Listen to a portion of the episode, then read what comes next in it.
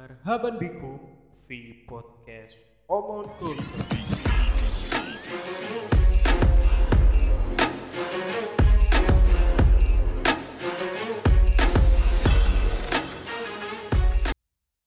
Oke, eh, assalamualaikum warahmatullahi wabarakatuh. Ya di mana pun pendengar podcast Omon Koson, ya kali ini eh, ada bintang tamu nih, bintang tamu yang sebenarnya udah dari satu minggu yang lalu nih. Aku pingin eh, collab, pingin buat podcast karena ya itu kayaknya eh, kalau misalnya untuk tema yang kali ini kayaknya sepertinya cocok. Ya sebelum kita membahas tema malam ini, mungkin eh, kita langsung aja sudah terhubung dengan dengan eh, teman saya Mas Bro Mas Fatah. Mas Fatah di sana. Halo Mas Fatah. Halo saudaraku Ganang, bagaimana Halo. kabarnya ini? Eh, Alhamdulillah. Kabarnya gimana nih? Bung Fatah sehat. Alhamdulillah sehat berkat doa sampean ini saya sehat ini. Alhamdulillah. Alhamdulillah. Eh, ya, jadi eh, di sana sudah ada eh, Mas Fatah atau manggilnya apa nih? Mas, Bung, Om atau Kakak? atau apa nih manggilnya enaknya? Bro, bro saja lah. Bro. Nah, ini juga kita eh, saya sendiri baru nih baru apa ngobrol lagi setelah sekian lama karena kan eh, kita posisinya jauh. Kita juga ini buat podcast via Zoom. Via Zoom dan ya sekarang posisinya Bro Fatah di mana nih sekarang? Ya, posisi ini sudah 8 bulan ya berada di kampung halaman.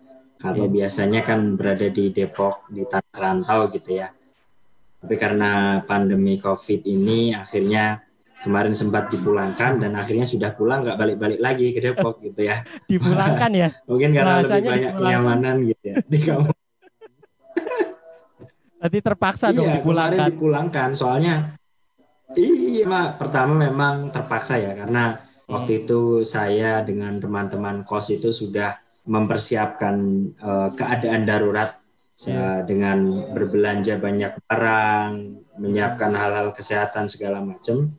Tapi oleh pihak kampus itu eh, diminta untuk sebaiknya pulang ke kampung halaman masing-masing karena kondisi Depok dan sekitarnya pada waktu itu bulan Hmm. Maret 2019 2020 itu sedang marak-maraknya COVID-19 kan bahkan yang menjadi sumbernya dianggap di situ gitu. Oh iya. Akhirnya ya sudah saya pulang dan alhamdulillah dapat ini masih dapat kereta.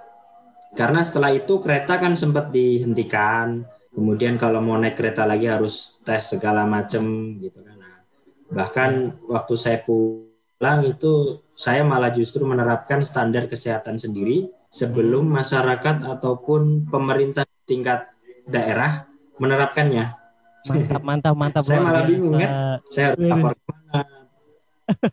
iya, Iya. karena di UI, di UI kita sering mengobrol dengan dosen-dosen dari Fakultas Kesehatan Masyarakat. Hmm. terlepas dari apa namanya ya ya dengan Tuhan akan melindungi kita, tapi kan Tuhan juga meminta kita untuk berikhtiar istilahnya gitu ya. Atau istilah hadisnya itu kalau kita punya onta itu, itu ikat dulu ontanya baru bertakwa. Artinya ada usaha, ada doa gitu kan. Betul. Jangan tawakal toh ya nanti bisa pergi, bisa dimaling orang gitu kan. Ya betul betul. Aduh ini lah ya. iya belum apa-apa sudah dapat ilmu banyak nih. Ini baru pembukaan loh, tapi udah dapat ilmu banyak. Apalagi nanti kita bakalan lebih seru nih pasti. Oke, ya jadi eh, tadi nyambung eh, mukodimah yang awal tadi. Jadi eh, Mas Bro Fatah ini kemarin baru berhasil wisuda ya, sudah wisuda gitu ya. Sebelumnya ya tak ucapin dulu deh. Selamat wisuda untuk Bro Fatah. Dan ya semoga eh, ilmunya bermanfaat, ilmunya bermanfaat. Amin. yang paling penting ya itu bermanfaat Amin. untuk agama, eh, nusa dan bangsa gitu ya. Eh, sebelum sebelum kita ke topiknya ya, ke topiknya, eh, aku mau tanya dong, Bang Fatah itu eh, orang asli mana gitu, orang asli mana? Eh, biar semuanya kenal nih orang asli mana nih, Bang Oke. Fatah. Oke, eh, mungkin perkenalan dulu ya. Nama lengkap saya Muhammad Oh, iya, Fatailah, ya bisa dipanggil Fatah gitu ya. Dan saya aslinya dari Kota Pekalongan, ya kota di pesisir utara Pulau Jawa atau Iya. masuk ke wilayah administrasi Provinsi Jawa Tengah. Nah, kota Pekalongan ini bukan ibu kota provinsi, artinya bukan kota besar, namun juga bukan kota kecil. Jadi lebih tepatnya dikatakan sebagai middle town gitu ya, Iya. kota di tengah-tengah gitu ya, kota besar dan kota kecil. Mungkin Iya. itu sih ya. Kita tetanggaan bilang. berarti ya. Bro Bata kita tetanggaan nih. Eh, Jadi Pekalongan betul. bahkan bahkan kalau ditarik sejarah itu kita masih satu Betul, karena betul, dulu betul, wilayah Pekalongan itu adalah penyebutan untuk wilayah Karesidenan di zaman Belanda yang mana Karesidenan Pekalongan itu mulai dari yang sekarang Kabupaten Batang sampai dengan Kabupaten Tegal gitu kan? Nah, Iya. sampai di situ. Jadi Pemalang masih saudara kita masih sama-sama Iya, bener. kuliner kemudian cara berbicara sama-sama gitu Iya, eh, eh, bahkan eh, apa ya? Jadi ya Pemalang memang eh, ya satu lah ya ibaratnya satu rumpun masih satu inilah istilahnya kita masih satu saudara gitu.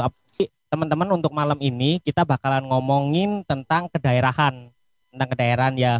Kedaerahan ya nanti eh, kita bakalan berbicara bagaimana tentang eh, daerah kita kondisinya bagaimana, terus kontribusi apa yang eh, sebenarnya kita sebagai anak muda yang akan kita akan kita lakukan untuk daerah kita. Kita nanti akan berbicara tentang itu. Nah, ngomong-ngomong sebelum berbicara lebih jauh, jadi aku ada pengalaman nih Om. Jadi eh, dulu kan waktu kuliah di Jogja, jadi waktu kuliah di Jogja kan Mm-mm. eh, banyak tuh orang-orang yang nggak kenal daerah Pemalang Om. Gak ada yang tahu ya kalau misalnya ditanya kamu orang mana? Aku jawab orang Pemalang gitu ya. Terus eh, yang tanya itu nggak tahu tuh Pemalang itu daerah mana gitu. Taunya Pemalang Hmm. itu ya Jawa Timur gitu. Padahal itu kan Malang gitu Hmm. ya. Begitupun di sini di Papua ketika banyak orang yang tanya banyak orang yang tanya kamu daerah mana aku jawab Pemalang pasti pikiran eh, yang tanya itu ya Hmm. itu pasti Pemalang itu Jawa Timur begitu akhirnya ketika karena saking bosennya saking bosennya aku ditanya dan yang tanya itu nggak tahu daerah Pemalang akhirnya ya aku jawab aku orang Pekalongan. Iya karena ya bakalnya tahu gitu. Bakalnya tahu kalau misalnya ditanya orang mana dan Iya, aku iya, jawab iya. Pekalongan ya pasti orang-orang tahu. Karena eh, daerah eh, Pantura gitu kalau misalnya eh, kita nyebut eh, Semarang Semarang itu ibu kota provinsi jadi pasti tahu. Semarang Kendal terus ada Batang ada Pekalongan eh, Pekalongan pasti tahu karena terkenal kan Hmm. kota batik. Terus setelah Pekalongan yang mereka tahu adalah Tegal bukan Pemalang. Ya iya. Jadi eh, banyak orang-orang yang nggak tahu eh, Pemalang gitu. Itu nah itu eh, kita bakalan kurang lebih bakalan berbicara tentang itu. Terus eh, selanjutnya nih aku ingat aku ingat sekali dan eh, dulu kan kita sama-sama waktu kuliah di Jogja kita sama-sama bergerak di organisasi primordial organisasi eh, kedaerahan gitu. Iya. Iya kan? Iya. Mm-mm. Eh, dulu gimana Iya. tuh? Bisa kecemplung eh, kenapa eh, Bro Fatah ini kecemplung di organisasi kedaerahan? Awalnya itu gimana?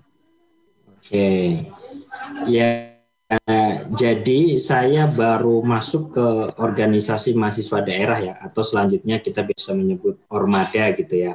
Iya. Nah, itu tepatnya saat saya memasuki semester 5 perkuliahan. Mungkin ada yang nanya, kenapa kok baru ikutnya semester 5? Eh, gitu kan.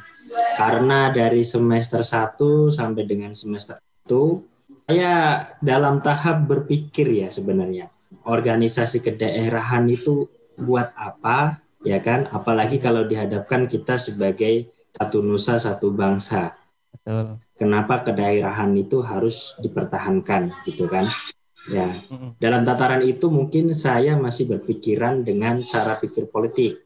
Bahwa ada daerah, kemudian ada pusat, kemudian ada Indonesia Barat, Indonesia Timur, Indonesia Tengah dan lain sebagainya gitu ya.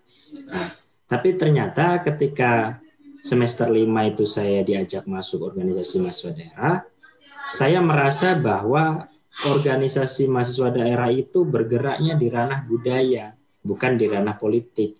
Sehingga ketika berkenalan dengan daerah lain yang berbeda budaya, yang terjadi adalah kita justru saling memperkenalkan, saling memahami, saling mengisi gitu loh. Akhirnya anggapan saya bahwa kedaerahan itu erat dengan separatisme justru terkikis gitu loh. Nah, di situ saya menyimpulkan bahwa ternyata kedaerahan itu bisa menjadi sesuatu yang runyem gitu ya, yang membingungkan, yang bisa mengarah pada separatisme ketika dibumbui dengan politik gitu loh. Tapi kalau itu diikat dengan budaya, dengan rasa persaudaraan bineka tunggal ika, itu justru akan menjadi sesuatu yang indah gitu loh. Ya kan? Nah, mungkin dengan adanya mahasiswa daerah, kita akhirnya punya ikatan dengan daerah meskipun kita sudah tidak tinggal di daerah yeah. kan mungkin kita juga uh, istilahnya kangen dengan masakan rumah kangen dengan hal eh, hal-hal yang berbau kedaerahan bisa terobati dengan adanya itu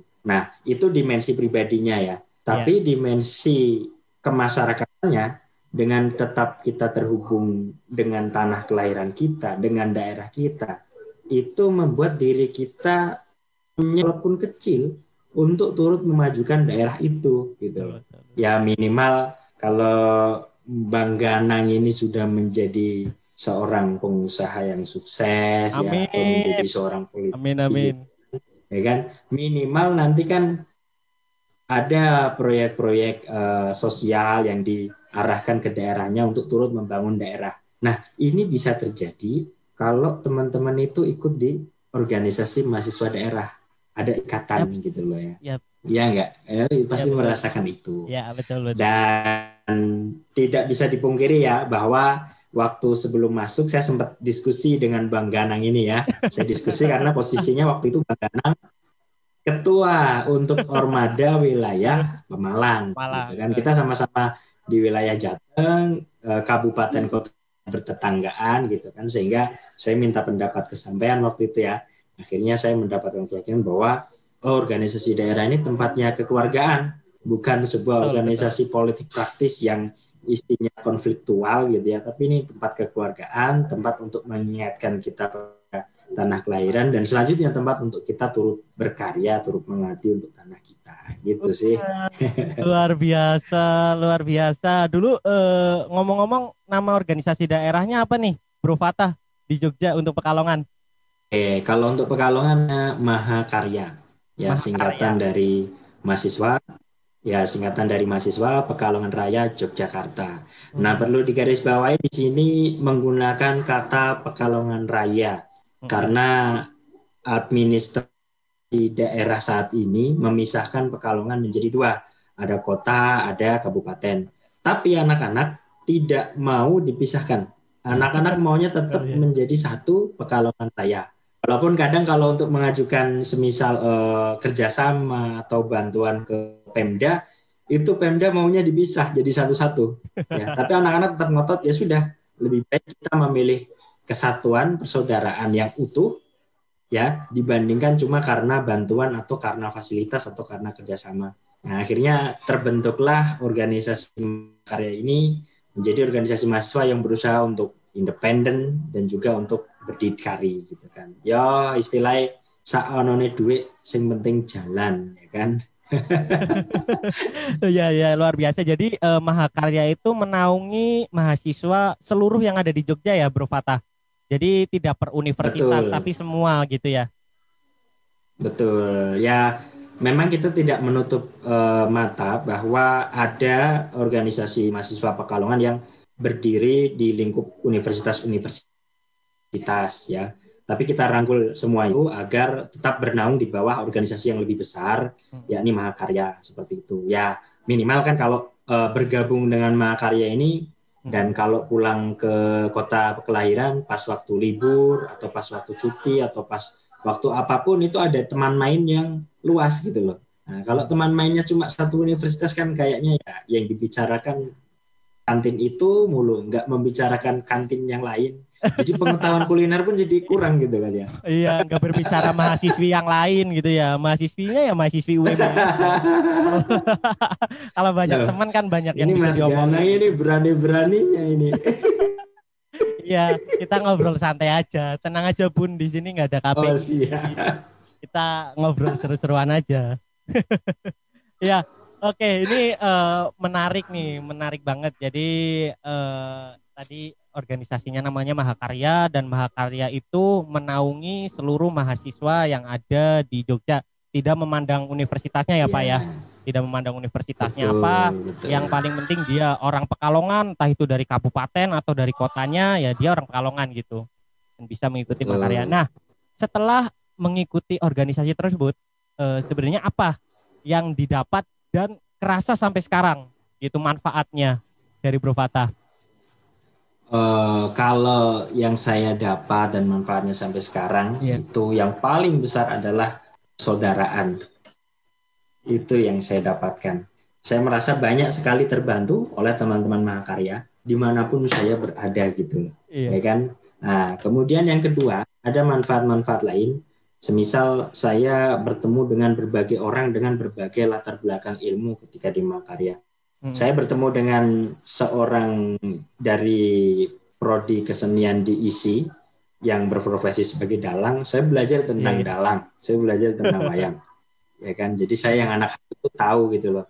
Ya kan? Misal kita bicara wayang dalam HI dalam kaitannya dengan pengakuan tidak bicara omong kosong bahwa wayang begini-begini tapi kita tidak mengenali kisahnya, kita tidak Hmm. mengenali tokohnya, kita tidak gitu. Karena ya itu tadi ketemu dalang. Ada lagi ya macam-macam. Sampai ada yang mengambil jurusan itu khusus membuat senjata tradisional itu ada. Dari situ saya belajar bagaimana golok, bagaimana keris itu ada. itu salah satu mahasiswa di Lalu yang jurusan bahasa, jurusan sastra itu eh, membuat jiwa literatis literasi saya lebih meningkat. Ya karena dibiasakan kita selain juga mendiskusikan tentang eh, keilmuan, ya kita mendiskusikan tentang keilmuan apa pun ilmu itu gitu. Karena ya ilmu harus dihormati gitu dan pada sa- saatnya nanti ilmu akan eh, bermanfaat gitu. Ya itu yang saya dapatkan dan oh ya ada satu lagi yang saya dapatkan. Jadi wilayah Pekalongan itu kalau digabungkan kota dan kabupaten sangat luas. Saya orang kota, jadi wilayahnya lebih kecil dan wilayahnya dekat dengan laut. Ketika saya tidak ikut Mahakarya, saya hanya akan kenal wilayah kota. Tapi karena saya ikut Mahakarya, saya jadi kenal wilayah Pekalongan yang sampai kabupaten, yang sampai perbatasan dengan kabupaten lain, yang hanya bisa dijangkau dengan motor, bahkan belum ada itu jadi tahu gitu loh. Ya karena wilayah bahkan di Pekalongan itu wilayah kabupaten memiliki hutan yang dianggap Ya. dalam tanda petik sebagai hutan yang masih perawan di Pulau Ya, Jawa, ya. tempat penangkaran owa Jawa. Gitu. Ih, luar biasa.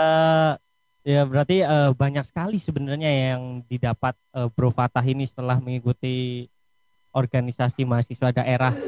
Nah, eh, kalau misalnya tadi sudah tujuan eh, tujuan Bro Fatah ikut organisasi itu apa, terus manfaat yang didapat, sebenarnya ketika tadi eh, sudah eh, banyak manfaat yang didapat, sebenarnya organisasi daerah daerah itu ngapain? Kalau misalnya organisasi-organisasi di kampus kan eh, banyak tuh itu organisasi bergerakan yang tujuannya mungkin jelas dan atau mungkin organisasi mahasiswa yang ada di prodi itu ya tugas tupoksinya itu jelas dan kegiatan-kegiatannya ya event-eventnya itu sudah jelas. Tapi kalau misalnya organisasi daerah itu kegiatannya apa aja tuh, Bro Fatah? Oke. Organisasi daerah ini lebih soft sebenarnya ya dibandingkan tadi organisasi pergerakan kampus, dibandingkan tadi organisasi setingkat himpunan mahasiswa di kampus itu lebih soft. Ya kegiatan yang paling kecil dan paling sering adalah kumpul gitu kan. Nah, kalau di Pekalongan kita bilang serawung atau kita Iya. bilang ya nongkrong, geleming gitu ya. Ngobrol ngalor ngidul, Iya. tapi ngobrolin itu tentang daerah nanti dari situ biasanya ada ada output outputnya ditindaklanjuti dari eh, menjadi proker. Entah proker pemberdayaan masyarakat atau proker eh, penyiapan semacam pentas budaya atau kesenian di kota Yogyakarta sebagai tanah atau kita. Jadi kegiatan organisasi mahasiswa daerah itu lebih kepada sesuatu yang sifatnya menimbulkan rasa kecintaan pada daerah menimbulkan rasa kekeluargaan pada sesama eh, masyarakat daerah sampai pada akhirnya ya bagaimana kita bisa turut menyumbang eh, pikiran ataupun tenaga untuk daerah.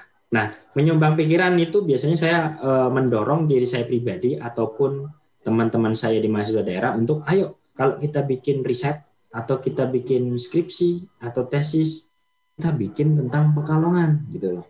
Ya, Ya. kita bikin tentang Pekalongan untuk apa? Untuk tahu deh Pekalongan seperti apa dan kita publikasikan nanti ke masyarakat. Tuh. Nah, termasuk saya kemarin waktu tesis saya membuat eh, tesis berjudul Kota Kreatif Pekalongan dalam kaitannya sebagai eh, Kota Kreatif UNESCO sejak tahun 2014 sampai dengan 2019. Nah, pada awalnya itu eh, dosen memandang bahwa kamu ngapain membahas kota Pekalongan yang mungkin efek nasionalnya kurang besar gitu kan. Lebih baik kamu ke Jakarta, ke Jogja atau ke Surabaya. Saya bilang kota-kota itu sudah jelas ibu kota gitu kan. Iya. Nah, kalau ibu kota berani membuka hubungan luar negeri, hubungan internasional ya itu sudah sesuatu yang wajar. Nah, ini Pekalongan, kota yang tadi kita katakan sebagai kota di tengah middle town ya, tapi berani menjalin hubungan internasional. Sehingga pertanyaan selanjutnya, apa efek hubungan internasional itu bagi masyarakat? Kan itu sangat menarik untuk dikaji. Dan akhirnya saya ditantang, ya sudah, kamu buat, kalau bisa lulus, jempol kamu. Nah, ini salah satu manfaat dari kita mengikuti organisasi mahasiswa daerah. Jadi ada rasa tanggung jawab kita untuk daerah sekecil apa pun. Itu akan penting, itu akan terasa nantinya ketika eh, benar-benar memberikan manfaat bagi masyarakat ataupun bagi kota. Gitu. Itu Iya, Mas Gana. iya, Ya ya ya betul betul betul. Jadi eh, kalau misalnya digarisbawahi, eh, jadi ya sebenarnya tujuan dibentuknya eh, apa organisasi daerah itu eh, apa harapannya nantinya bisa untuk berkontribusi gitu ya, berkontribusi untuk daerah kita dan secara nggak langsung kan dengan mungkin kegiatan-kegiatan kita seperti tadi Waswata bilang eh, ada festival tentang budaya itu secara nggak langsung kan mengenalkan daerah kita gitu, iya kan? Iya. Seperti tadi lah Iya. mm. di awal-awal itu nggak ada yang kenal Pemalang, nggak ada kenal Pemalang. Jadi eh, melalui organisasi daerah seperti inilah orang-orang bisa lebih mengenal mungkin daerah-daerah yang mungkin eh, Betul. secara eh, halayak luas itu belum dikenal gitu. Jadi betul, betul. ya luar Nah, biasa sekali sih. Kalau terkait belum dikenal ini ya, khususnya Iya, pada studi kasus Pemalang tadi, saya melihat ini karena efek dulu penjajahan Belanda ada wilayah-wilayah karesidenan itu, sehingga wilayah karesidenan itu yang diketahui hanya kota-kota besarnya. Nah, tapi saya selalu dalam tanda petik memarahi orang-orang semisal dari Kabupaten Batang, kemudian dari Malang atau dari wilayah lain ya yang masih satu rumpun di Karesiden Pekalongan yang ketika ditanya dari mana? Dari Pekalongan. Pekalongannya mana? Batang gitu kan. Saya selalu memarahi teman-teman yang itu karena saya bilang ya buat apa malu? Justru kalau orang tidak tahu daerahmu kalau ke daerah lain. Justru kamu berusaha untuk mengenalkan orang ke daerahmu gitu. Betul. karena Pekalongan Pekalongan itu ya itu di di Pati juga ada namanya eh, desa Pekalongan. Di Jogja juga ada namanya eh, Dusto Desa Kalongan gitu ada bahkan di Sulawesi juga ada nama Pekalongan gitu loh. Nah, dan tadi salah satu yang memperkenalkan mungkin karena produk daerah. Nah, mungkin kan kalau Pemalang kan Grombyang itu punya Pemalang. Iya, sekali itu Heeh. Grombyang itu kan. Nah, belum punya Pemalang untuk wilayah Jateng itu punya wisata bahari yang besar, ya kan? Nah, itu itu sudah aset daerah yang bisa mengenalkan Pemalang ke dunia internasional bahkan saya bilang. Gitu, Bro. Sekarang lagi booming juga nih akhir-akhir ini gitu ya. Udah lama sih sebenarnya nanas madu Pemalang juga sempat booming gitu. Iya. sampai di mana-mana di. Jakarta pun ada nanas madu Pemalang di Jogja pun dulu ada saat kuliah di depan-depan UNY itu banyak yang jual nanas madu Pemalang ya ya lumayan lah Betul. lumayan lumayan lah secara nggak Betul, langsung betul, bisa betul, eh, betul. bisa memperkenalkan daerah kita nah eh, tadi kalau misalnya berbicara harapan nantinya harapan mungkin jangka panjangnya gitu ya jangka panjangnya kan harapannya kita semua yang mungkin asal daerah bisa berkontribusi dengan daerah kita sendiri gitu. Iya kan? Mas eh, Bro Fata Hmm. juga punya harapan demikian pasti. Aku pun punya harapan demikian. Nah, kalau misalnya berbicara tentang kontribusi, kalau misalnya melihat kondisi saat ini nih, kondisi saat ini daerah Bro Fata itu kondisi saat ini seperti apa? apalagi kemarin kan sudah eh, buat tesis toh, tesis tentang daerah Mas Fata sendiri. Kalau dilihat kondisinya sekarang itu seperti apa nih? Kondisi secara luas ya gitu, secara luas entah itu eh, meliputi tentang daerahnya, terus tentang perkembangannya bagaimana, kondisi indeks pembangunan manusianya bagaimana, kira-kira bagaimana? Oke, Eh, kota Pekalongan ini ya bisa kita lihat sebagai kota kecil, tapi memiliki eh, arus ekonomi yang cukup kuat. Mengapa demikian? Karena memang ada sistem yang membuat Pekalongan ini menjadi kota yang independen. Jadi tidak hanya mengandalkan APBD yang kalau dulu kan dari pusat, kalau sekarang kan APBD ya. Nah, tapi dari dulu itu sudah tidak bergantung karena kebanyakan adalah pengusaha batik gitu kan ya. Nah, batik sendiri itu sekarang sudah berkembang berbagai macam yang mulai dari batik yang memang batik dari malam sampai dengan batik yang itu printing sebenarnya bukan batik tapi printing yang harganya lebih lebih terjangkau dan proses pembuatannya lebih cepat. Tapi batik itu sudah mewarnai ke mana-mana gitu ya. Nah kemudian kondisinya ya kalau kita mau melihat kota Pekalongan itu ada tiga ciri setidaknya. Yang pertama adalah kota dengan masyarakat yang egaliter. Masyarakat yang egaliter itu masyarakat yang ya memandang semuanya sama, baik di hadapan hukum atau di hadapan Tuhan gitu ya. Nah, sehingga ketika ini contoh ya, ketika semisal Mas Gana jadi orang Pekalongan ya dengan ibunya berbicara bahasa Kromo gitu ya.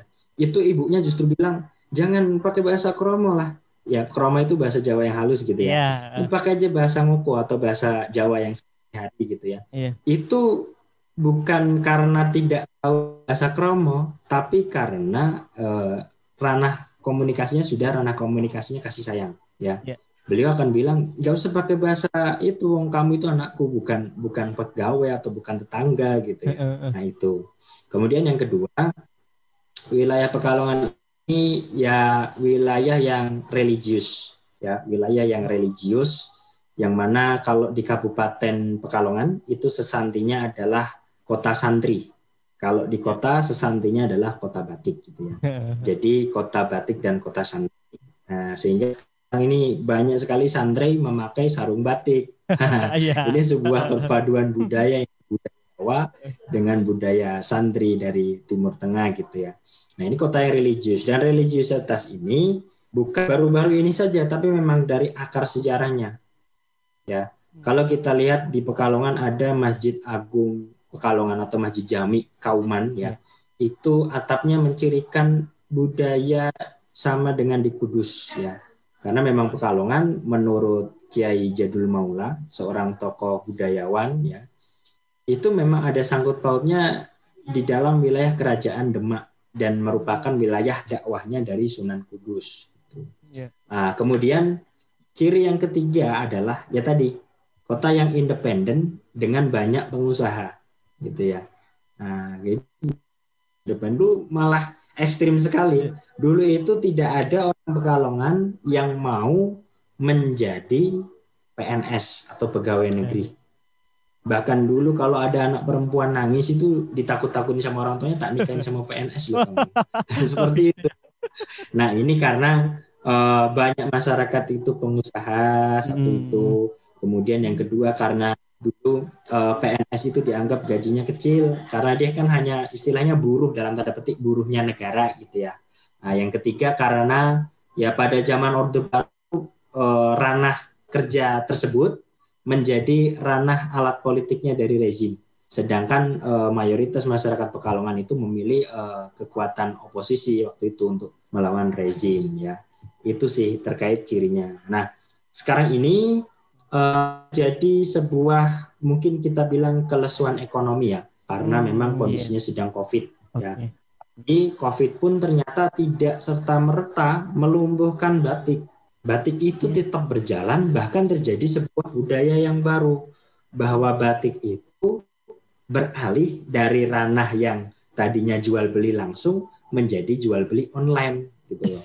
Nah, kemudian karena banyak orang yang WFH, work from home gitu ya. Iya.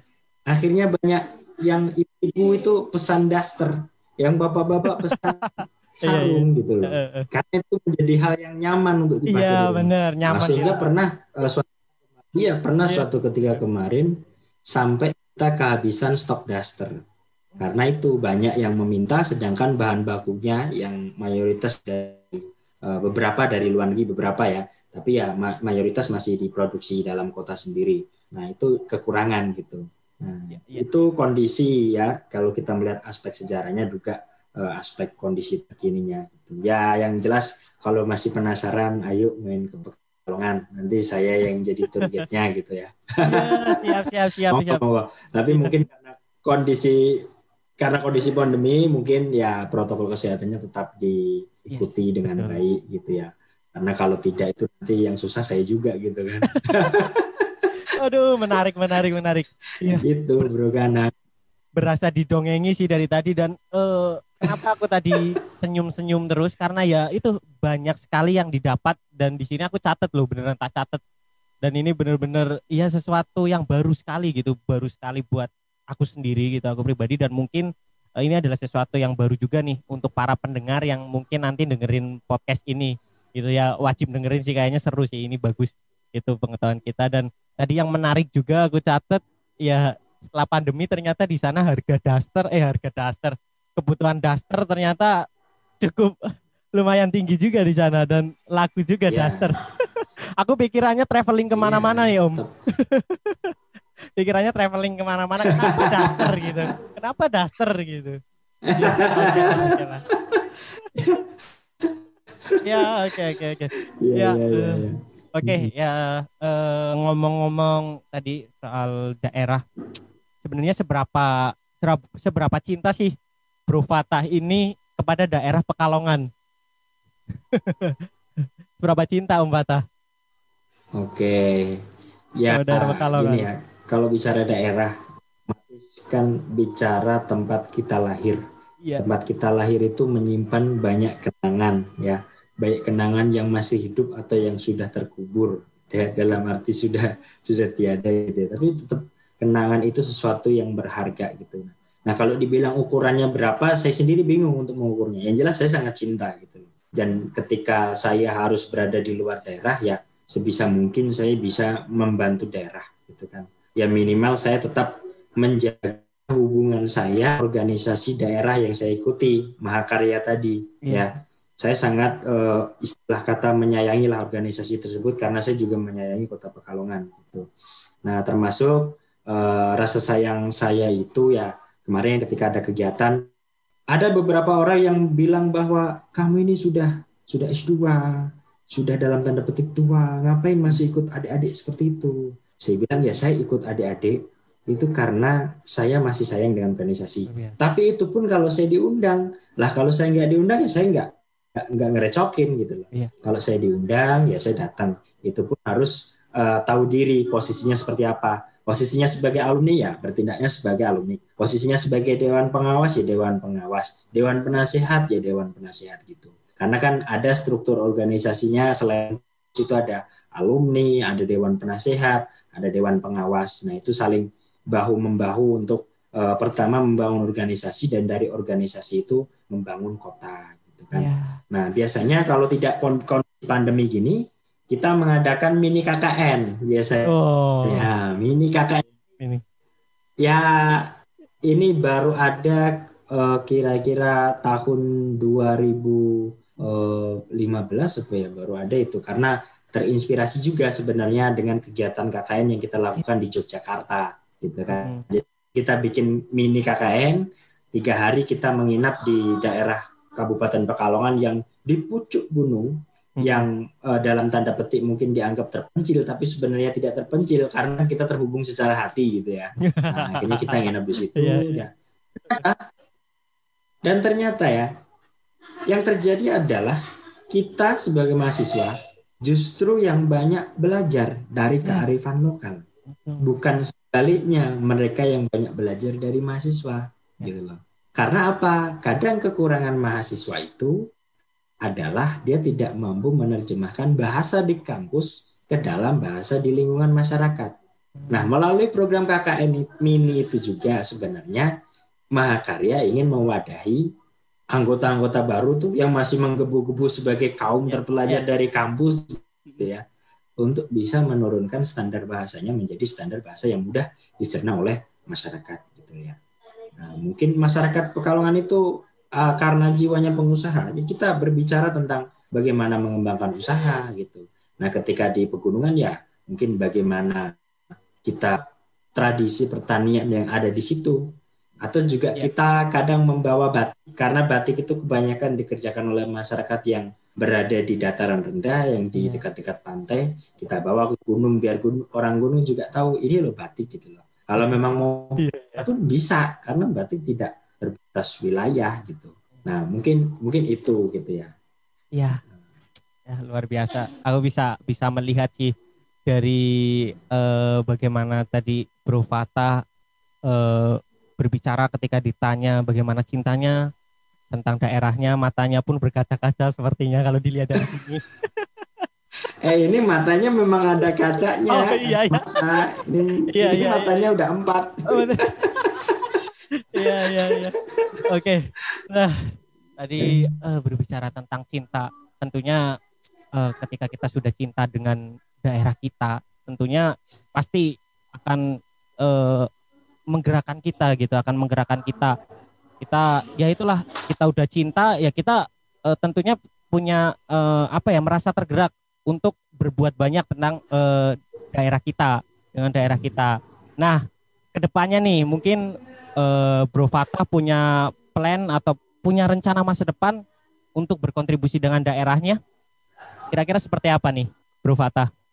Eh, kalau ke depan itu Ya. saya ingin berkontribusi tetap dengan menggandeng organisasi mahasiswa daerah dengan apa eh, kita memasuki ranah-ranah yang dianggap tabu tapi kita masih punya diri kita gitu loh. Nah, kita untuk waktu-waktu pilkada ini kita bikin acara diskusi yang melibatkan pasangan calon tapi kita tetap dalam ranah yang independen. Tujuan kita adalah apa? Memberikan gambaran kepada masyarakat ini loh paslon yang akan kamu pilih. Walaupun sudah diadakan event debat dan segala macam gitu kan oleh eh, pemerintah, oleh televisi-televisi, tapi kita akan coba munculkan eh, ranah diskusinya itu diskusi yang berhadapan dengan mahasiswa, dengan pemuda gitu loh, milenial. Gitu ya. Nah itu untuk untuk jangka jangka pendek. Untuk jangka panjangnya, saya ingin kembali lagi kita memperkuat gerakan literasi karena gerakan literasi itu yang masih kurang sekali untuk wilayah Pekalongan. Ya. Oh, berbagai macam toko buku di sini ini tidak bertahan tikar ini. Eh, sehingga saya kalau mau cari buku itu harus jalan. Pilihannya kalau nggak ke Tegal ke Semarang naik Iya, motor, heeh. ya kan?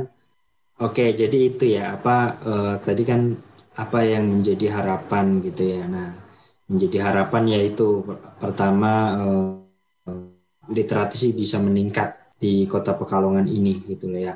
Nah, dimulai dengan teman-teman Mahakarya sendiri itu harus literasinya bagus. Literasi itu dalam arti membaca maupun menulis. Sehingga dengan literasinya bagus minimal bisa menulari orang-orang di lingkungan terdekatnya. Ya kalau yang belum menikah mungkin menulari eh, adik-adiknya. Kalau sudah menikah ya mungkin menulari istrinya, anak-anaknya, ya kan, Iya, iya. Eh, keluarga mer- mar- mertuanya gitu ya. Betul betul. Nah, harapannya seperti itu. Tuh. Kemudian juga ya kontribusinya selalu mengikuti perkembangan zaman gitu kan. Nah, kalau memang kita mencanangkan diri sebagai eh, kota eh, kota industri dan jasa, nah bagaimana mungkin kita bisa berkontribusi di ranah yang orang tidak belum membahas masalah itu ya. Misal berbicara industri ya, kita sebisa mungkin bisa berkontribusi di ranah eh, contoh lingkungan. Bagaimana industri itu industri yang berkelanjutan, bukan industri yang merusak lingkungan, misal itu. Lalu kota jasa, nah kita bisa berkontribusi mungkin untuk menerangkan lebih dulu saya itu seperti apa, kemudian ranah yang bisa dilakukan seperti apa. Jangan sampai jasa itu diartikan banyak hotel gitu ya, sehingga hotel itu menyedot air yang akhirnya masyarakat kekurangan air. Nah, di Jogja kan sudah terjadi, nah, jadi jangan sampailah di kota kita tercinta terjadi.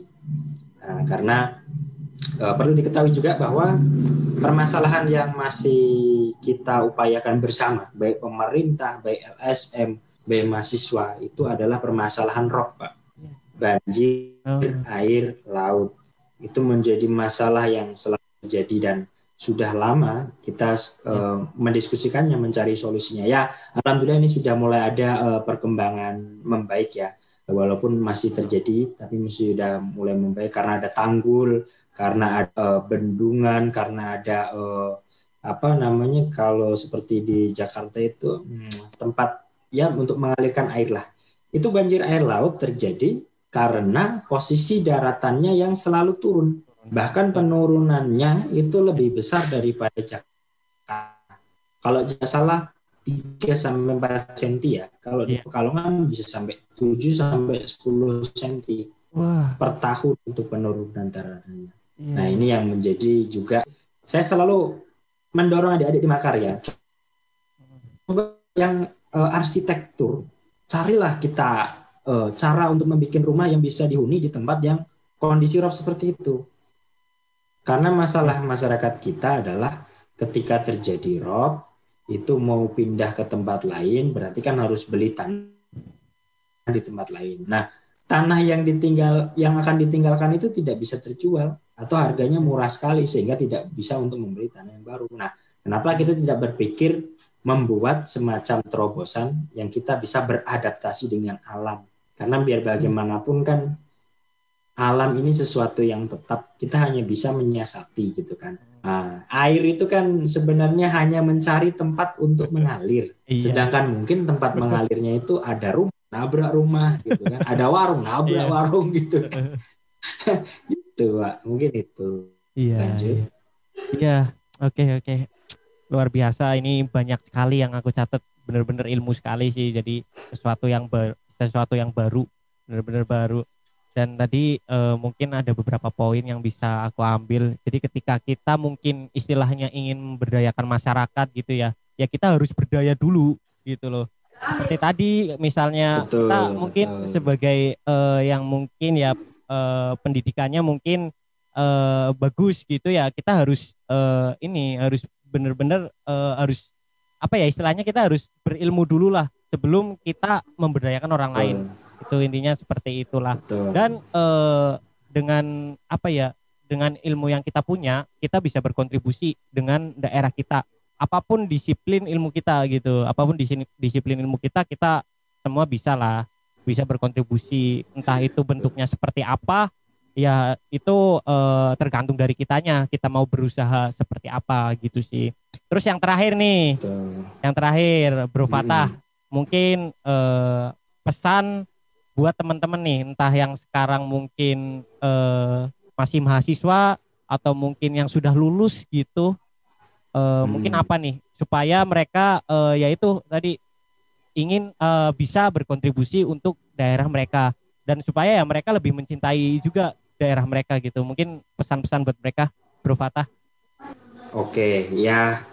Jadi untuk semuanya yang mungkin sudah tercerai berai dari daerahnya, sudah merantau ke mana-mana, Iya. gitu kan ya. Nah, jangan jadikan pulang ke daerah itu sebagai rutinitas yang setahun sekali, karena memang tuntutan mudik gitu loh. Ya, jangan juga istilahnya mudik pun kalau tidak ada duit, jadi malu, tidak jadi mudik. Atau mudik dengan uang dari hasil hutang atau dengan mobil nyewa bahkan yang lainnya gitu biar Iya. kelihatan keren ya. Iya. Dan kecintaan kepada daerah ya tidak sebatas itu ya. Kecintaan kepada daerah itu sangat-sangat luas. Ya minimal di mana pun Anda berada dalam posisi apa pun, dalam profesi apa pun, cobalah berkontribusi kepada daerah walaupun itu menurut Anda kecil tapi mungkin menurut daerah itu besar itu. Ya. Nah, itu. Nah, kemudian terkait adanya beberapa organisasi mahasiswa daerah, jangan dipandang ini sebagai faktor pemecah persatuan. Justru ini Ya. bisa jadi yang memperkuat persatuan itu karena menyadarkan bahwa kita ini akan jadi lebih kaya kalau kita ini ternyata banyak sekali identitasnya gitu loh. Kita toh negara demokrasi, bukan negara yang monokrasi yang harus satu gitu ya. Ah, seperti itu. Nah, kemudian eh, untuk rekan-rekan juga eh, kecintaan terhadap daerah itu ya minimal dapat dibangun dengan memandang seluruh masyarakat daerah itu sebagai keluarga ya sebagai keluarga baik masyarakat daerah tempat kelahiran ataupun masa daerah tempat eh, berdomisili itu adalah keluarga gitu.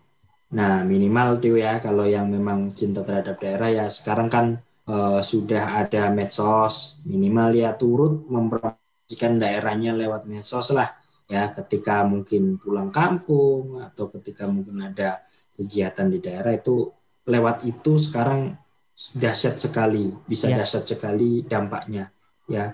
Nah, tadi kalau Bang Ganang bilang memperkenalkan kuliner, memperkenalkan kemudian apa eh, wisata, Ya. itu kan pada ujungnya adalah mengangkat ekonomi daerah. Betul, gitu betul, kan ya. betul. Nah, kalaupun masalah di daerah, ya kalaupun memang ada masalah di daerah, yaitu disampaikan dengan cara yang baik dan benar menurut hukum gitu loh. Ya, jangan sampai terjadi seperti ya beberapa waktu yang lalu kan ada orang yang marah-marah sampai menghina-hina daerah, padahal dia makan Hmm. dan minum dari air di- ada pokok Iya. makanan yang tumbuh di daerah itu gitu. Mm-mm. Nah, itu ya intinya sejauh apa pun Anda berlari gitu ya, tapi tetap Anda akan merasakan capek. Dan kadang capek itu harus istirahat, istirahat yang paling nyaman ya di daerah. Karena apa? Di daerah ada kenangan, di daerah ada orang-orang tercinta. Itu sih mungkin. Oke, aduh, luar biasa sekali. Beneran ini eh, malam ini eh, aku dapat banyak sekali, banyak sekali ilmu dan banyak eh, ya sesuatu yang baru bener-bener aku dapat malam ini.